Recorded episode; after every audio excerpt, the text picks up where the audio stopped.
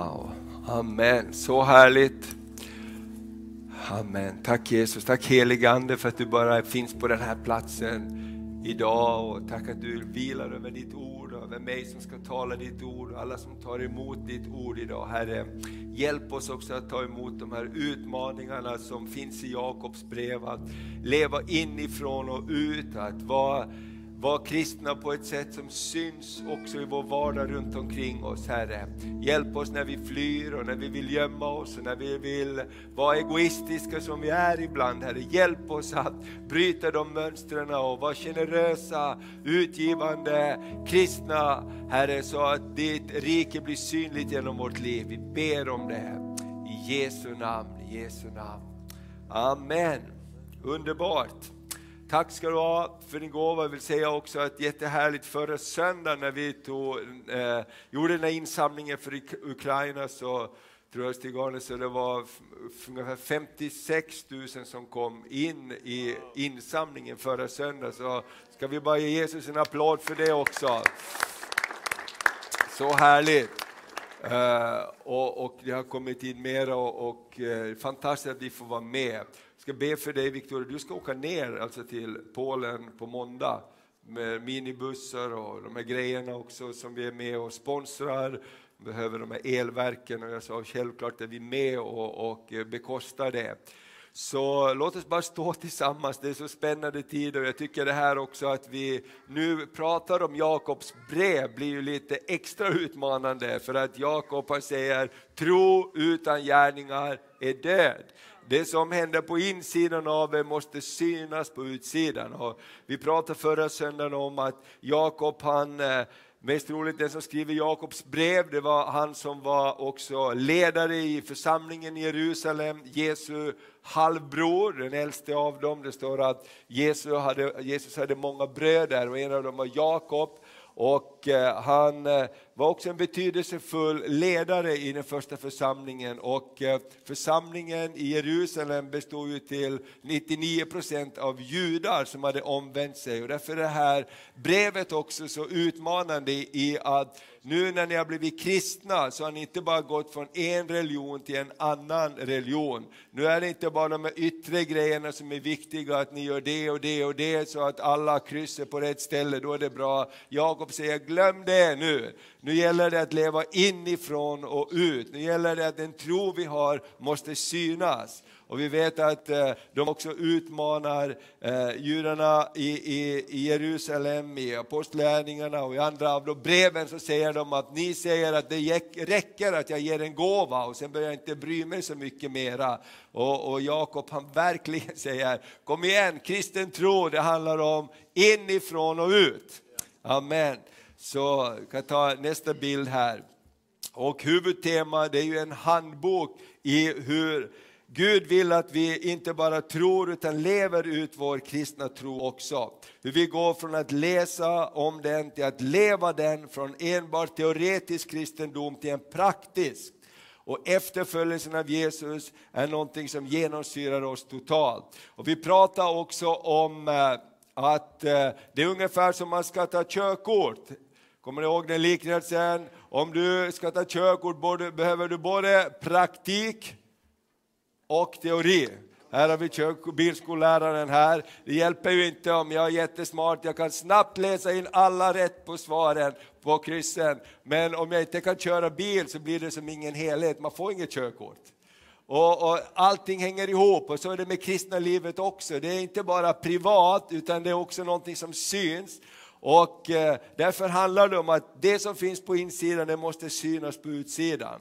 Och jag skriver skrivit Psaltaren 27, tänker jag att eh, vi ska läsa också innan vi går in i, i det här eh, Jakobs brev. Vi har bett utifrån därför att ingen av oss är oberörd av allt det som händer. Och vi vet inte vad kommer att hända nu i framtiden. Vad händer i Europa? Vad händer med alla saker som Eh, Eh, bara för några veckor sedan så var allting lugnt. Visst var det skönt när pandemin höll på att gå över och vi tänkte äntligen blir det lite lugnt och ordning och så kommer smash, en grej som är ännu värre och ingen vet liksom vem kan man lita på. Och, eh, vi tänker också så här när vi ber för Ukraina, glöm inte att be för Ryssland.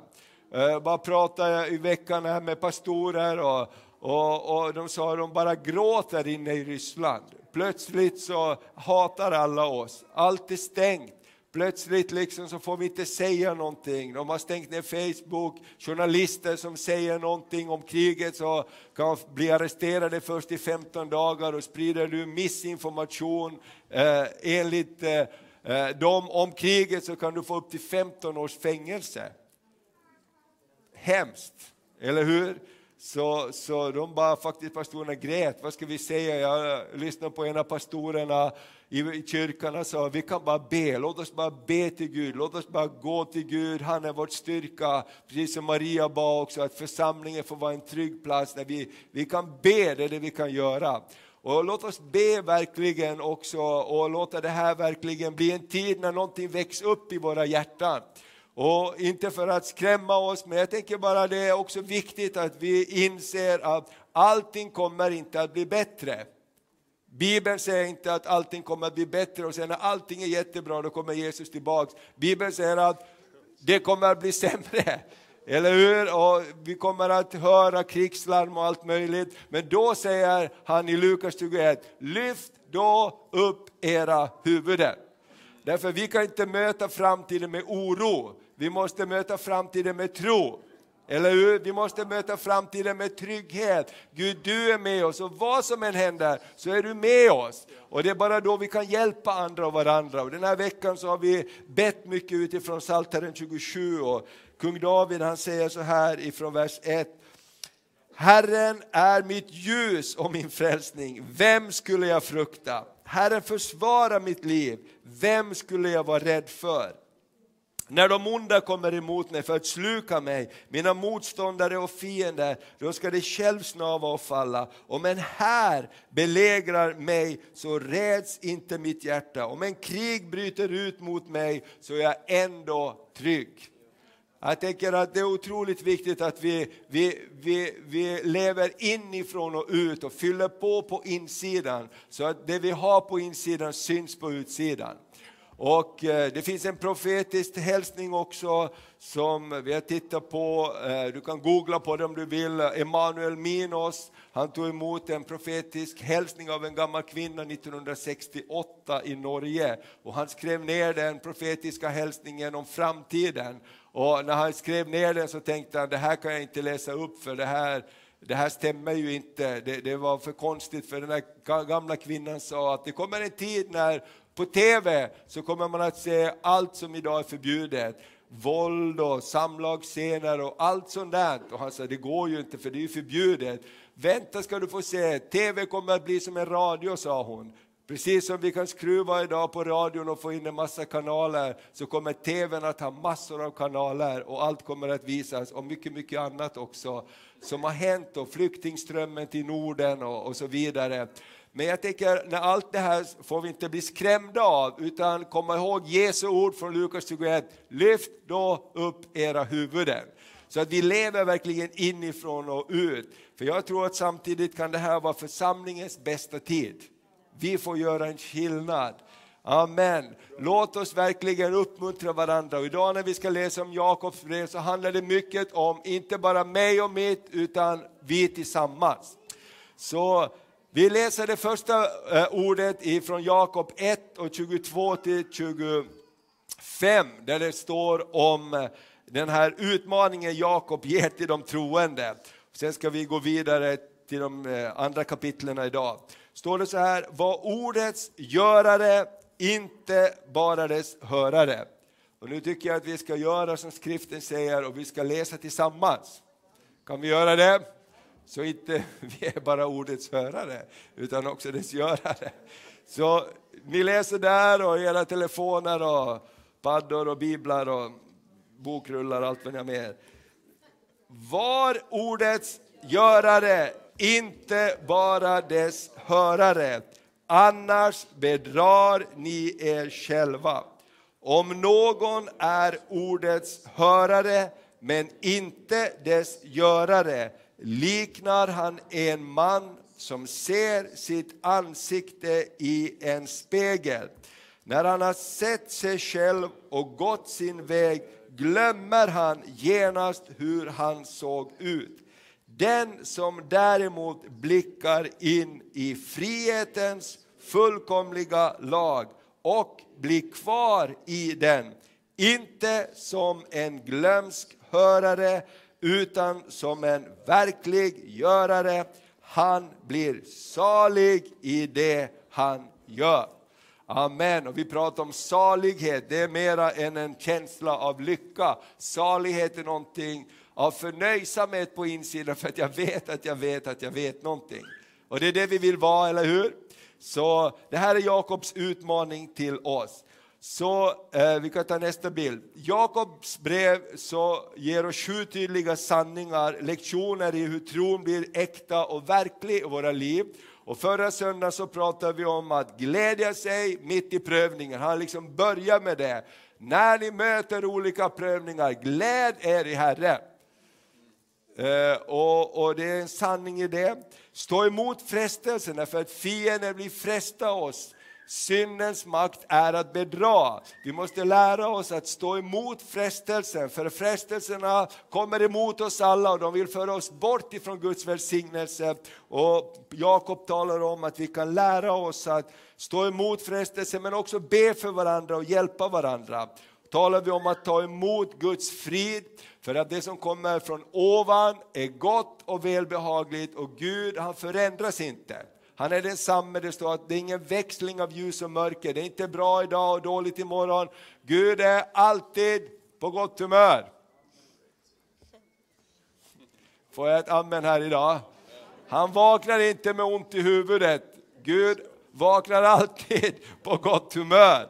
Eller hur? Därför att det står att hela, hela himlen är full av lovprisning och lovsång.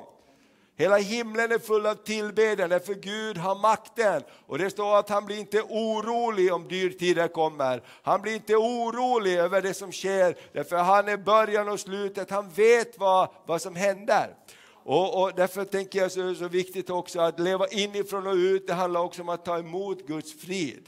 Och när vi tar emot Guds frid och Guds närvaro kan vi ge Guds närvaro. Amen. Så idag så ska vi gå till punkt nummer fyra. Och det är en utmanande punkt. Det handlar om att stå emot partiskhet. Alltså ta inte parti för olika och dela upp människor i olika eh, klassificeringar, att du är viktig och du är inte viktig. Låt oss ha Guds hjärta för människor. Det står att Gud låter det regna över både onda och goda. Amen. Är du vaken idag? Amen.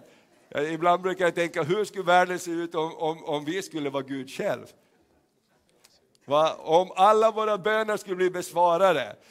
Gud, han är tålmodig och mild. Han är långmodig. Eller hur? Amen. Är du glad att du ibland inte har fått bönesvar för någonting? När du såg att det blev, eller var på ett annat sätt. Gud han, han har koll på allting och när tiden går så ser vi det. Och Jakob kapitel 2, vers 1-4 ska vi läsa först. Eh, vi läser tillsammans också, är det okej? Okay? Vi har de här söndagarna som lite mera bibelstudier. Så vi läser, du ser på skärmen eller i din telefon eller i din bibel. Mina bröder, var inte partiska i er tro på vår Herre Jesus Kristus härlighetens Herre. Tänk er att det vid er sammankomst kommer in en man med guldring på fingret och fina kläder och samtidigt en fattig man i smutsiga kläder. Om ni då ser till den finklädde och säger varsågod och sitt, här är en bra plats. Men till den fattige, du kan stå där eller sätt dig här vid mina fötter. Har ni då inte diskriminerat bland er och blivit domare med orena motiv? Och det här är ju ganska lätt, att man dömer på det man ser. Eller hur? Jag kommer ihåg när vi började med våra projekt här på parken och, och fick eh, kontakt med kommunen och de här handläggarna där. Och, och eh, förresten, fortsätt gärna att be här för de här byggprojekten och husen. nu är allting oroligt i världen så vi behöver verkligen Guds mirakel. Men bara be för dem, Gud du har alltid din hand. Men i alla fall för flera år sedan när vi började, det är så många chefer som har bytt där, då, sa, då var det en kille som var liksom, han är handläggare och har hand om de här frågorna, han var ny där och så kommer det in en kille med en t-shirt och värsta Iron My, eh, eh, liksom en väldigt sån här hårdrockare. Han hade tatueringar och stora örhängen i öronen och, och liksom så här, typ dödskalle på, på skjortan. Så här. Jag tänkte liksom, vad gör han här? Och så säger jag, tjena Mattias, det är jag som är handläggare. Okej, okay, hej! Och jag tänkte så här, wow vad blir det här? Men den killen är ju den bästa killen. Han har varit med, han, han, driver på grejer, han är den mest trofasta när alla andra flyger och far åt olika håll, då är han kvar där. Otroligt fin kille. Och jag tänkte så här, det är så lätt att döma på utsidan. Det är så lätt att när man ser så får man en massa bilder och tankar för det. Där tror jag Gud vill hjälpa oss verkligen. Och eh, kan vi ta nästa bild också. Kan vi se andra som Gud ser dem så kan vi fortsätta läsa ifrån vers 12 till 17. Hur kan Gud få hjälpa oss att också vi kan få se andra med Guds ögon? Ska vi läsa tillsammans igen? Tala och handla så som den som kan dömas efter frihetens lag. Domen blir obarmhärtig över den som inte har visat barmhärtighet. Men barmhärtigheten triumferar över domen. Vilket ord, hörru! Barmhärtigheten triumferar alltid över domen. Vi fortsätter. Mina bröder, vad hjälper det om någon säger sig ha tro men saknar gärningar? Den tron kan väl inte frälsa honom? Om en broder eller syster saknar kläder och mat för dagen och någon av er säger till dem, gå i frid, klä er varmt och ät er mätta, men inte ger dem vad kroppen behöver, vad hjälper det? Så är också tron i sig själv död när den är utan gärningar. Och nu har vi en så speciell situation och jag tänker att det rör våra hjärtan när vi ser vad som händer våra bröder folk också i Ukraina och alla de här. Människor blir engagerade och alla tänker och tror jag så här, det hjälper inte att bara tänka på dem. Utan vi måste göra någonting. Och det är precis på samma sätt, kärlek utan handling är inte mycket värd. Eller hur? Det hjälper inte liksom om man i ett äktenskap eh, inte talar kärleksfulla ord. För därför att eh, det vi gör, det skapar atmosfären. Det vi säger, det vi gör, vi ska prata mer om det, det är det som skapar atmosfären också. Och, och därför är tron så otroligt praktiskt. Och jag tycker själv att det är en stor utmaning det här. Gud hjälp oss att se andra människor så som du ser dem. Amen. Därför Gud ser dem på ett helt annat sätt. När vi har gett upp hoppet har inte Gud gett upp hoppet. Amen. Jag pratade en gång med en och hon sa, ja jag tror att Gud han har övergett dem där. Eh, är det du eller Gud som har övergett dem? Du vet liksom, jag, jag vet inte, jag orkar, jag tror inte det kan bli någon förändring där. Jag menar, för Gud han kan förändra allting. Eller hur? Jag läser den här fantastiska boken nu om hur Sverige var helt nedsupet för 200 år sedan. Och slutet av, I mitten av 1800-talet när missionärer kom till Stockholm så står det att, att de skrev så här. Vi är förfärade, det här är som Sodoms näste. Människor bryr sig inte om Gud och i kyrkan så sitter de och pratar med varandra under predikan. Och prästerna kan till och med vara fulla när de predikar. Alltså, ingen bryr sig om någonting. Alltså, det var inte så jättebra utgångspunkt. Men Gud hade någonting annat. Så att Sverige och Finland och Norge och Danmark, Skandinavien blev de mest missionsrika länderna som skickade mest missionärer över hela världen i slutet av 1800-talet, under 1900-talet. Man menar att 80 procent av troenden i Afrika, i Asien, i Sydamerika är ett resultat av skandinaviska missionärer som åkte ut med evangeliet. Om man tänker att början var så där, de brydde sig ingenting. Jag läste också om den där Brandell som, som blev präst här i Nora kyrka. Och, och han var uppe i Piteå och han brydde sig inte om Gud för fem öre, utan han festade och det var massor av brännvin och de var på en dansbana och de bara höll på och där och plötsligt så slog Guds ande ner på dansbanan. Bang!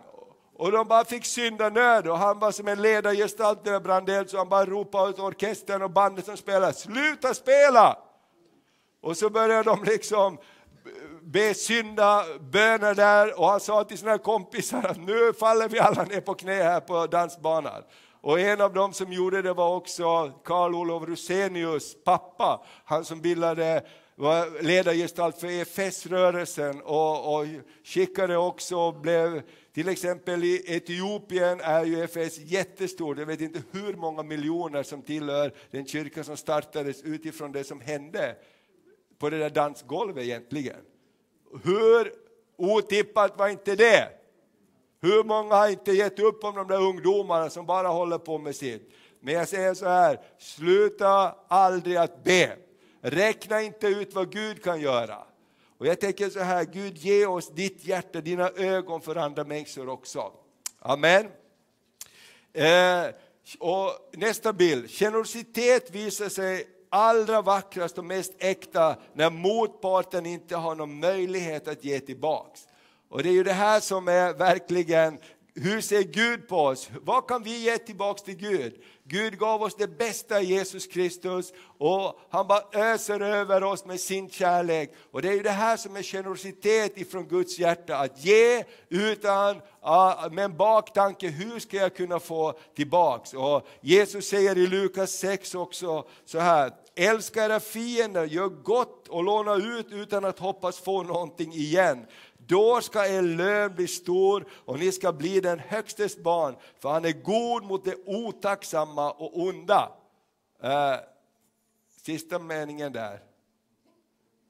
Hörde ni den? Då ska, kan vi läsa kanske tillsammans igen här? Från mitten där. Då ska er lön bli stor och ni ska bli den högstes barn, för han är god mot det otacksamma och onda. Är inte det vi säger? Otacksam och ond, du får vara. Gud straffar dig för att du är så. Men Gud älskar dem.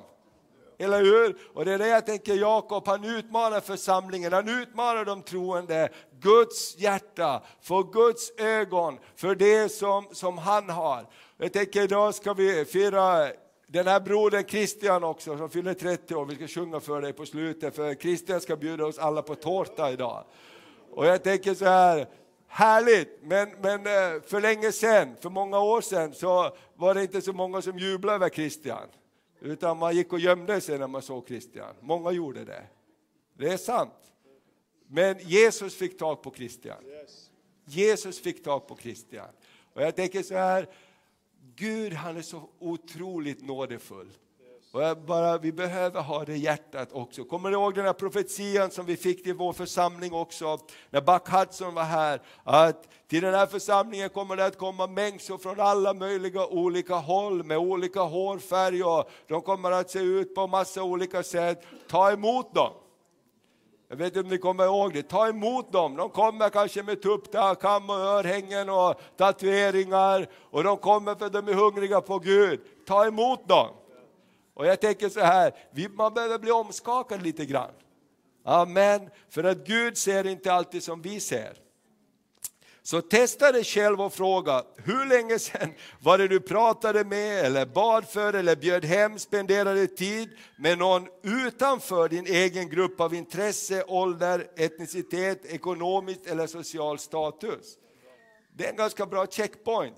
När gör vi någonting utan att vi räknar att den kanske, vad får jag tillbaks för det här? Blir jag tillbaksbjuden? Jag tänker att det är väldigt fint. Jag kommer ihåg en, en, en kompis, han hade sånt hjärta för, för utslagna och när han hade födelsedagsfest då bjöd han in lite olika. Och alltså den här killen jobbar högt i finansbranschen så till hans födelsedagskalas kom ju liksom sådana grabbar i kostym och slips och liksom från kontorsvärlden. Och så hade han bjudit in också de som var kan man säga hade lite olika fysiska och psykiska problem, för han tyckte om dem. Liksom man brukar heja på dem och sa, men kom till mitt party också. Och det blev en jättekonstig mix liksom, eh, av alla. Och jag tycker det är så skönt. Tänk, om tänk att kunna ha den attityden. Och Guds hjärta och församlingens hjärta är att vara givande, även om vi inte vet hur det ska gynna oss på något sätt. Och det är Guds hjärta. tycker det här är otroligt, för Gud är god mot det otacksamma och onda. Det är ju dem vi vill att han ska trycka åt. Eller? Mm, Okej. Okay. Ja, men alltså, vi är ju människor, eller hur? Rackarns otacksamma människor, eller onda, de bara gör dumma saker. Gud, tryck åt dem lite, så jag får ha det lugnt och skönt. Är det någon som har tänkt så? Ja, jag har tänkt så ibland. Okej. Okay. Nummer fem, nästa punkt. Dina ord styr riktningen av ditt liv. Och Det här är ju en otrolig också sanning, hur mycket orden betyder. Eh, och vi ska läsa Jakob kapitel 3, vers 3-6. Eh, är du beredd? Yes. Är du redo? Bra. När vi lägger betsel i munnen på en häst för att han ska lyda oss styr vi också hela hans kropp. Se också på fartygen som är så stora och drivs av hårda vindar. Ändå styrs det med ett litet roder dit rorsmannen vill. På samma sätt är tungan en liten lem som kan skryta stort. Tänk på hur en liten eld kan sätta en stor skog i brand. Och tungan är en eld, en värld av ondska bland våra lemmar.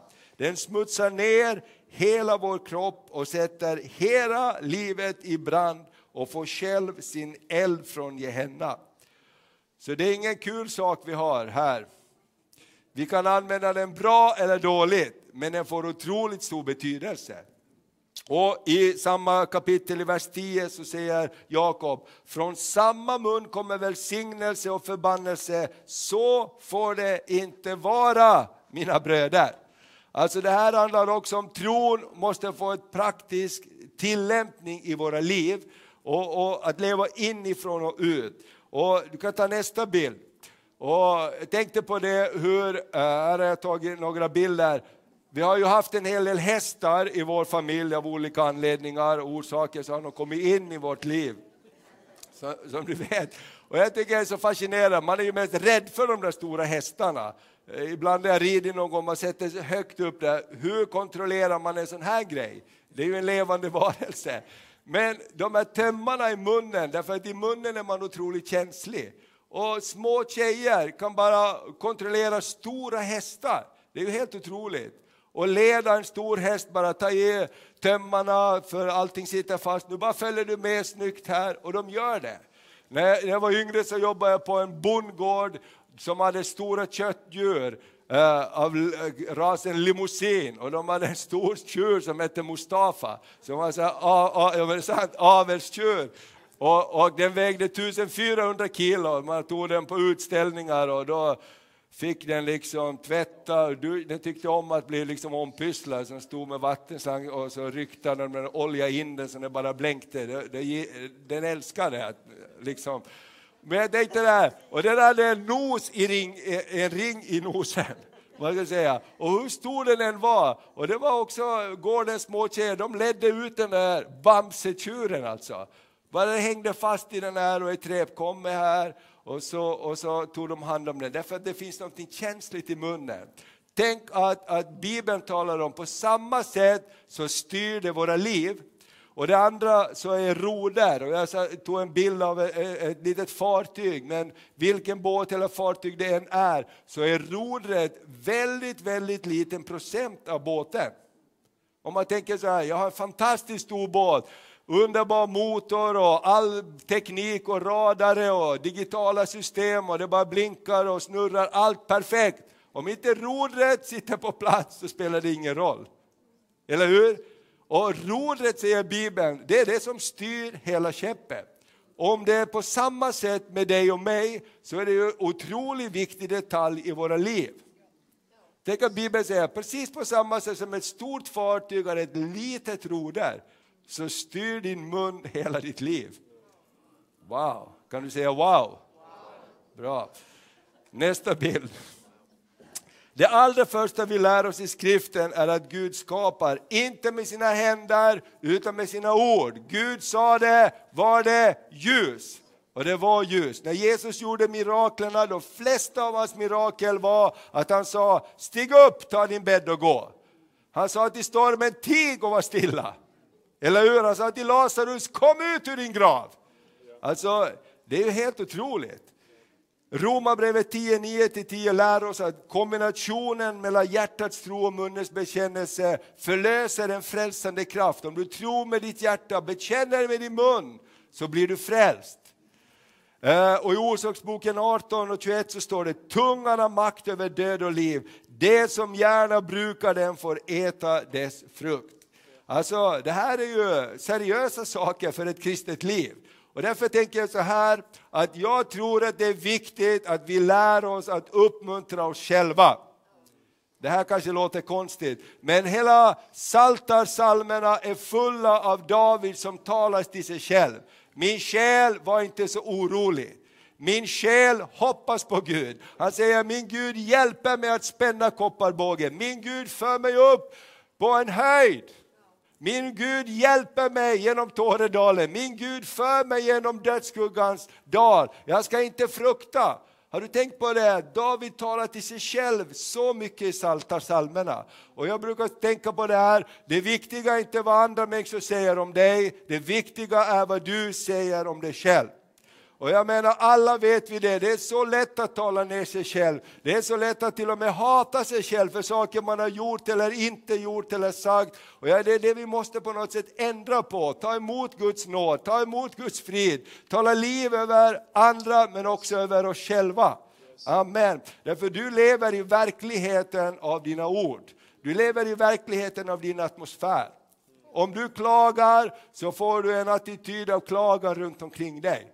Alltså det blir negativt. Men om vi hjälper varandra att lyfta blicken, se körden, säga ord av liv.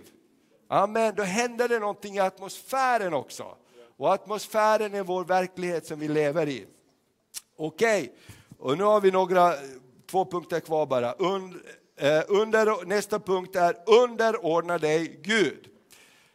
Eh, det här är intressant också. Det här handlar om, precis som eh, vi har pratat tidigare om att omvändelsen är personlig, men vandringen är gemensam med Gud. Titta på det här bibelordet i Jakob 4, vers 6-10 ska vi läsa. Är du redo? Men större är nåden som han ger. Därför heter det, Gud står emot de högmodiga men ger nåd åt de ödmjuka. Underordna er Därför Gud, stå emot djävulen så ska han fly från er. Närma er Gud så ska han närma sig er. Rena era kläder ni syndare och rena era hjärtan ni splittrade. Klaga, sörj och gråt. Vänd ett skratt till sorg och i glädjebedrövelse. Ödmjuka er inför Herren så ska han upphöja er. Tänk vad många gånger det står er där och det tänker jag är så viktigt att vi tillsammans hjälper varandra. Varför är det viktigt att komma till gudstjänst och prisa Gud tillsammans? Jag tror att alla här kan skriva under på det är lättare att tacka och lova Gud här, när vi sjunger tillsammans, än hemma ensam. Är det någon som tycker det? Alltså när de här säger kom igen nu, res på er, lyft era händer, nu prisar vi Gud tillsammans. Det är mycket lättare att be och prisa Gud, att uppmuntra varandra, att se varandra. Jag tänkte på det när jag läste det där bibelordet, tänk vad många gånger det handlar om er tillsammans. Därför Guds folk är ett gemensamt folk. Vi kan ta nästa bild. Tron är inte bara privat. Frälsningen och överlåtelsen till Jesus är personlig. Vandringen med Jesus är gemensam. I Efesierbrevet 4 så står det om en tro, en ande, en kropp och många lemmar. Det står inte om en massa, tro som du vill så går det bra. Nej, tro så som Bibeln lär så går det bra. Vi har en tro i kyrkan. Jakob betonar att kristen tro handlar om gemenskap, enheten och närheten. Då kommer bönesvaren. I kapitel 4 så står det att ni får inte någonting när ni ber, för ni ber illa, för att era egna njutningar bara eh, förslösar det ni får. Alltså fel fokus i bönen. Men ödmjuka er så säger han så ska ni få allt det ni ber om. Amen. Det här är ganska utmanande texter, men jag tror det här är jätte, jätteviktigt att vi tänker på det här. Varför behöver vi be för varandra? Jo, därför att vi har inte alltid rätt. Vi är lätt att vi snurrar iväg någonstans och man får sin egen uppenbarelse. Vi behöver varandra. Vi behöver förböna varandra, vi behöver hjälpa varandra på vägen. Och ibland så är det du som får hjälp och ibland är det du som hjälper någon annan. Amen. Hallå? Ibland är det jag som behöver förbön och ibland är det jag som ger förbön. Men hela tiden går det en puls. Jag tror det finns ingen människa när du är lite äldre som säger, jag har klarat mig ett helt år utan förbön. Jag tror vi alltid behöver hjälp att be för varandra. Och det är något så fantastiskt vackert i det också. Och bönesvaren kommer. Den sista punkten, be i tro och enhet. Vi kan också förbereda lovsångarna här så ska vi gå mot avslutningen. Hur ska vi be? Det här är också utmanande. Be i tro och enhet. Och eh, vi kan läsa i Jakob, det femte kapitlet, vers 16 18. Vi hoppar en hel del, men läs gärna Jakobs brev och ta emot de här utmaningarna som finns där. Det tar inte så länge att läsa Jakobs brev. Du kan göra det i eftermiddag eller ikväll. Och bara läs Jakobs brev, ta emot det som står där. Och här kommer någonting som eh, också handlar om oss tillsammans. Ska vi läsa i Jakob 5 och vers 16 18. Bekänn därför era synder för varandra och be för varandra så att ni blir helade. Det här är ju en otrolig vers bara. Ibland när man ber för varandra, och speciellt som pastor ber man för många saker och så frågar man vad vill du att vi ska be för? Herren vet det. Ja, det är jättebra att han vet det, men nu är det jag som ber. Alltså, eller någon annan som ber. Jag tror det är jätteviktigt att vi blir så transparenta och överlåtna också till varandra när vi ber om förbön. Att det här är inget bara hemlig grej jag har. Nej, men jag behöver förbön för det här. Ibland är det ofta så att vi behöver också hjälpa att be om förlåtelse för olika saker. Tänk att det står så här. Bekänn därför era synder för varandra och be för varandra så att ni blir botade eller helade. Det hör ihop. Transparenta, att vi är transparenta inför varandra. Vi läser vidare. Den rättfärdiges bön har stor kraft och verkan. Elia var en människa med samma natur som vi. Han bad en bön att det inte skulle regna och då regnade det inte över landet under tre år och sex månader. Sen bad han igen och då gav himlen regn och jorden bar sin skörd. Kan ta nästa bild. Elia, han var en människa som du och jag. Om du tittar på Elia så var det inte bara toppen för Elia hela tiden. Han var värsta krigare och profeten, men ibland blev han jätteskraj. Han sa, det står en gång att han satt sig under en buske och säger, jag önskar att jag aldrig blivit född. Va? Snacka om att vara en människa som du och jag. Han hade också up and downs och, och det var så. Men Gud säger, det är inte det det handlar om. Amen. Kraften i dina böner kommer inte från din dagsform. Det här är bra. Kraften i dina böner kommer inte från din dagsform. Dess ursprung är inte hur bra du mår, hur starkt du känner dig eller hur bra du har presterat på sista tiden. Är du inte glad för det? Åh, oh, nu har jag klättrat upp på stegen så här långt, nu kanske Gud hör mina böner.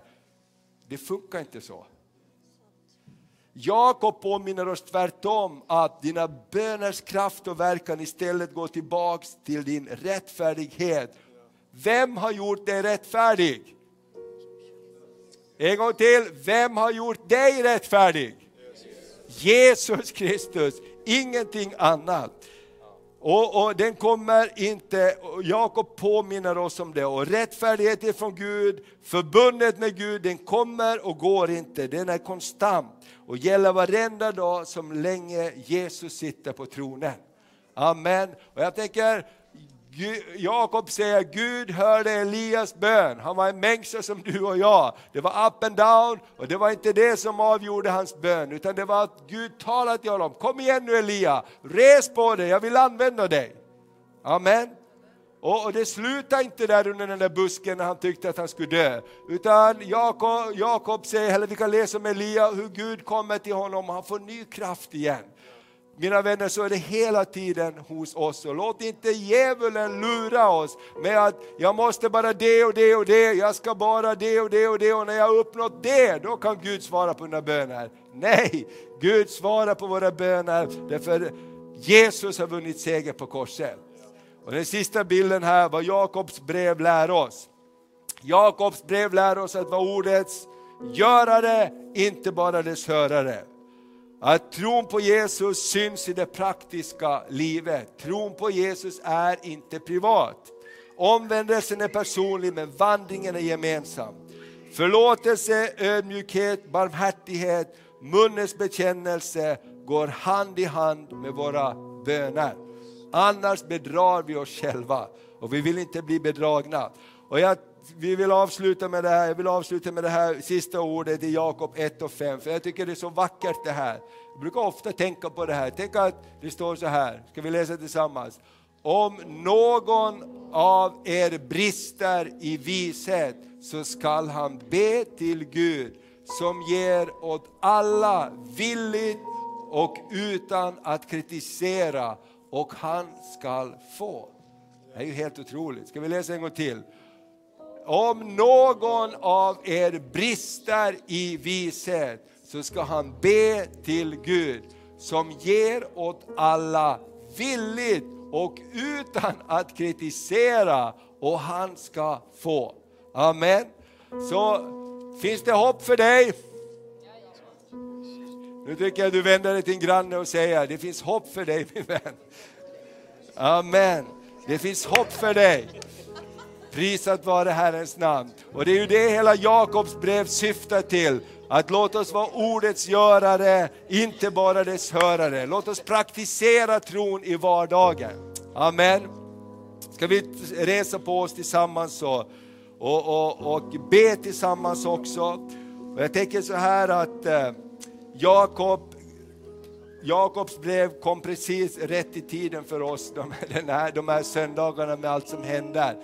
Och, och Jakob uppmuntrar oss att tron är någonting som lever hos oss. Och tron är ingenting vi presterar, tron är inte att samla poäng, tro handlar om att vandra med Jesus. Tro handlar om att ödmjuka sig inför honom men också inför varandra. Tro handlar om att våga begära hjälp när man behöver. Amen. Tro är att förlåta varandra, och också läkedom. Jakobs brev talar också så här att var inte så kaxiga, säg inte att jag ska göra det och det och det. Säg istället om Herren vill och vi får leva så kommer vi att göra det här. För vi vet ingenting om morgondagen. Jakob talar också om att smörja de sjuka med olja och be för dem. Och det ska vi ta tid för. Varje söndag gör vi det, men speciellt nästa söndag ska vi verkligen be och smörja med olja. Om du som tittar på det här där hemma, om du vill ha ett hembesök, att någon kommer hem till dig och smörjer dig med olja och ber trons bön så, så gör vi det. Bara kontakta oss. Tycker det är helt fantastiskt. Jag glömmer aldrig den här kvinnan som, som eh, kontaktade, hon hade eh, elallergi, hon hade jättesvåra allergier och kunde inte riktigt bo hemma och fick bo utanför och hon kom och, och Gud bara började upprätta henne. Hon kom inte en gång, hon kom flera gånger bara för att få förbön för det här. En annan broder som brukar gå här, han gick igenom en cancer och han kom till bönerna när vi var på Brogatan, vi hade lunchböner. Han kom Och han fick förbön och Gud botade honom och hjälpte honom igenom. Han är så otroligt tacksam, en äldre man. Och jag tänker så här, ibland måste vi sätta oss i rörelse. Och ibland så kräver det att vi skickar ett sms eller ringar. Men tron är levande och kanske någonsin, mer än någonsin behöver vi aktiv och levande tro idag.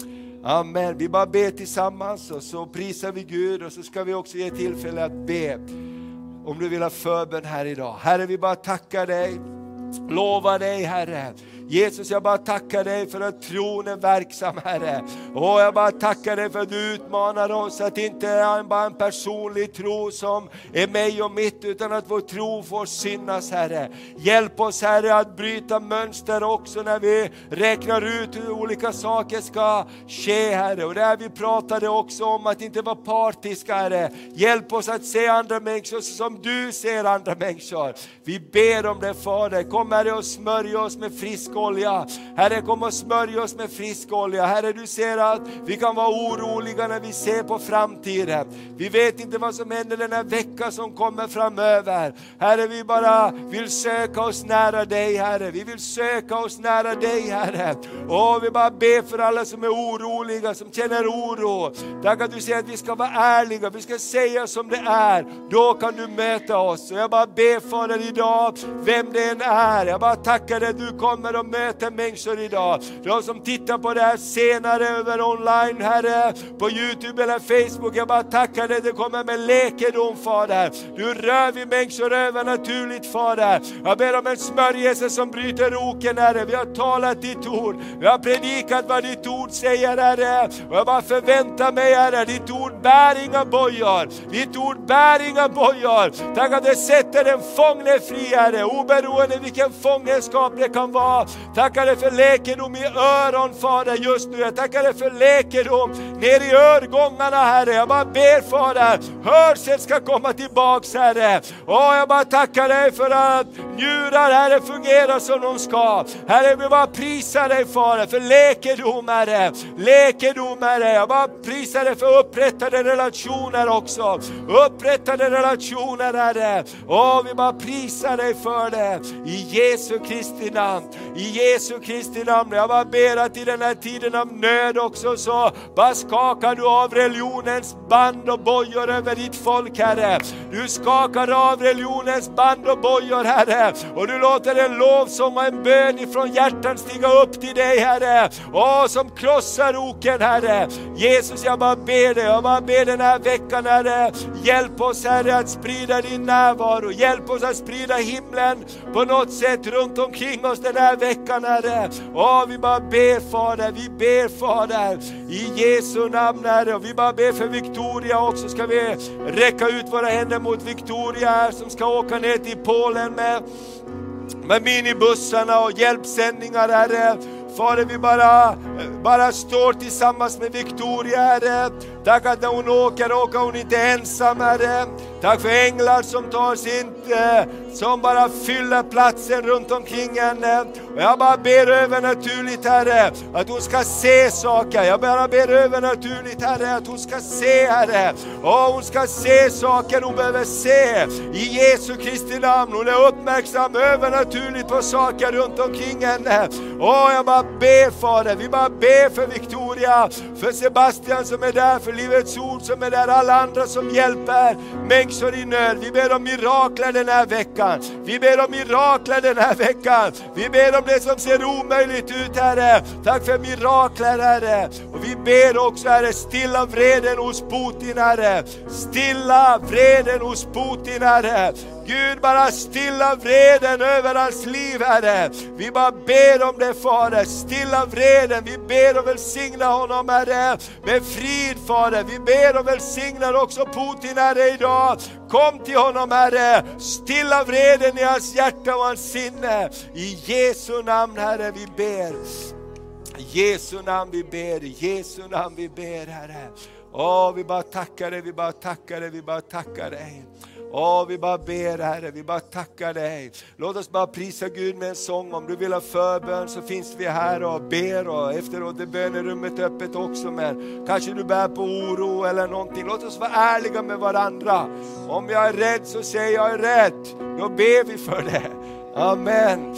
Halleluja. Så vi bara prisar Gud och så finns hela teamet här och föreber en stund. Ge möjlighet till det.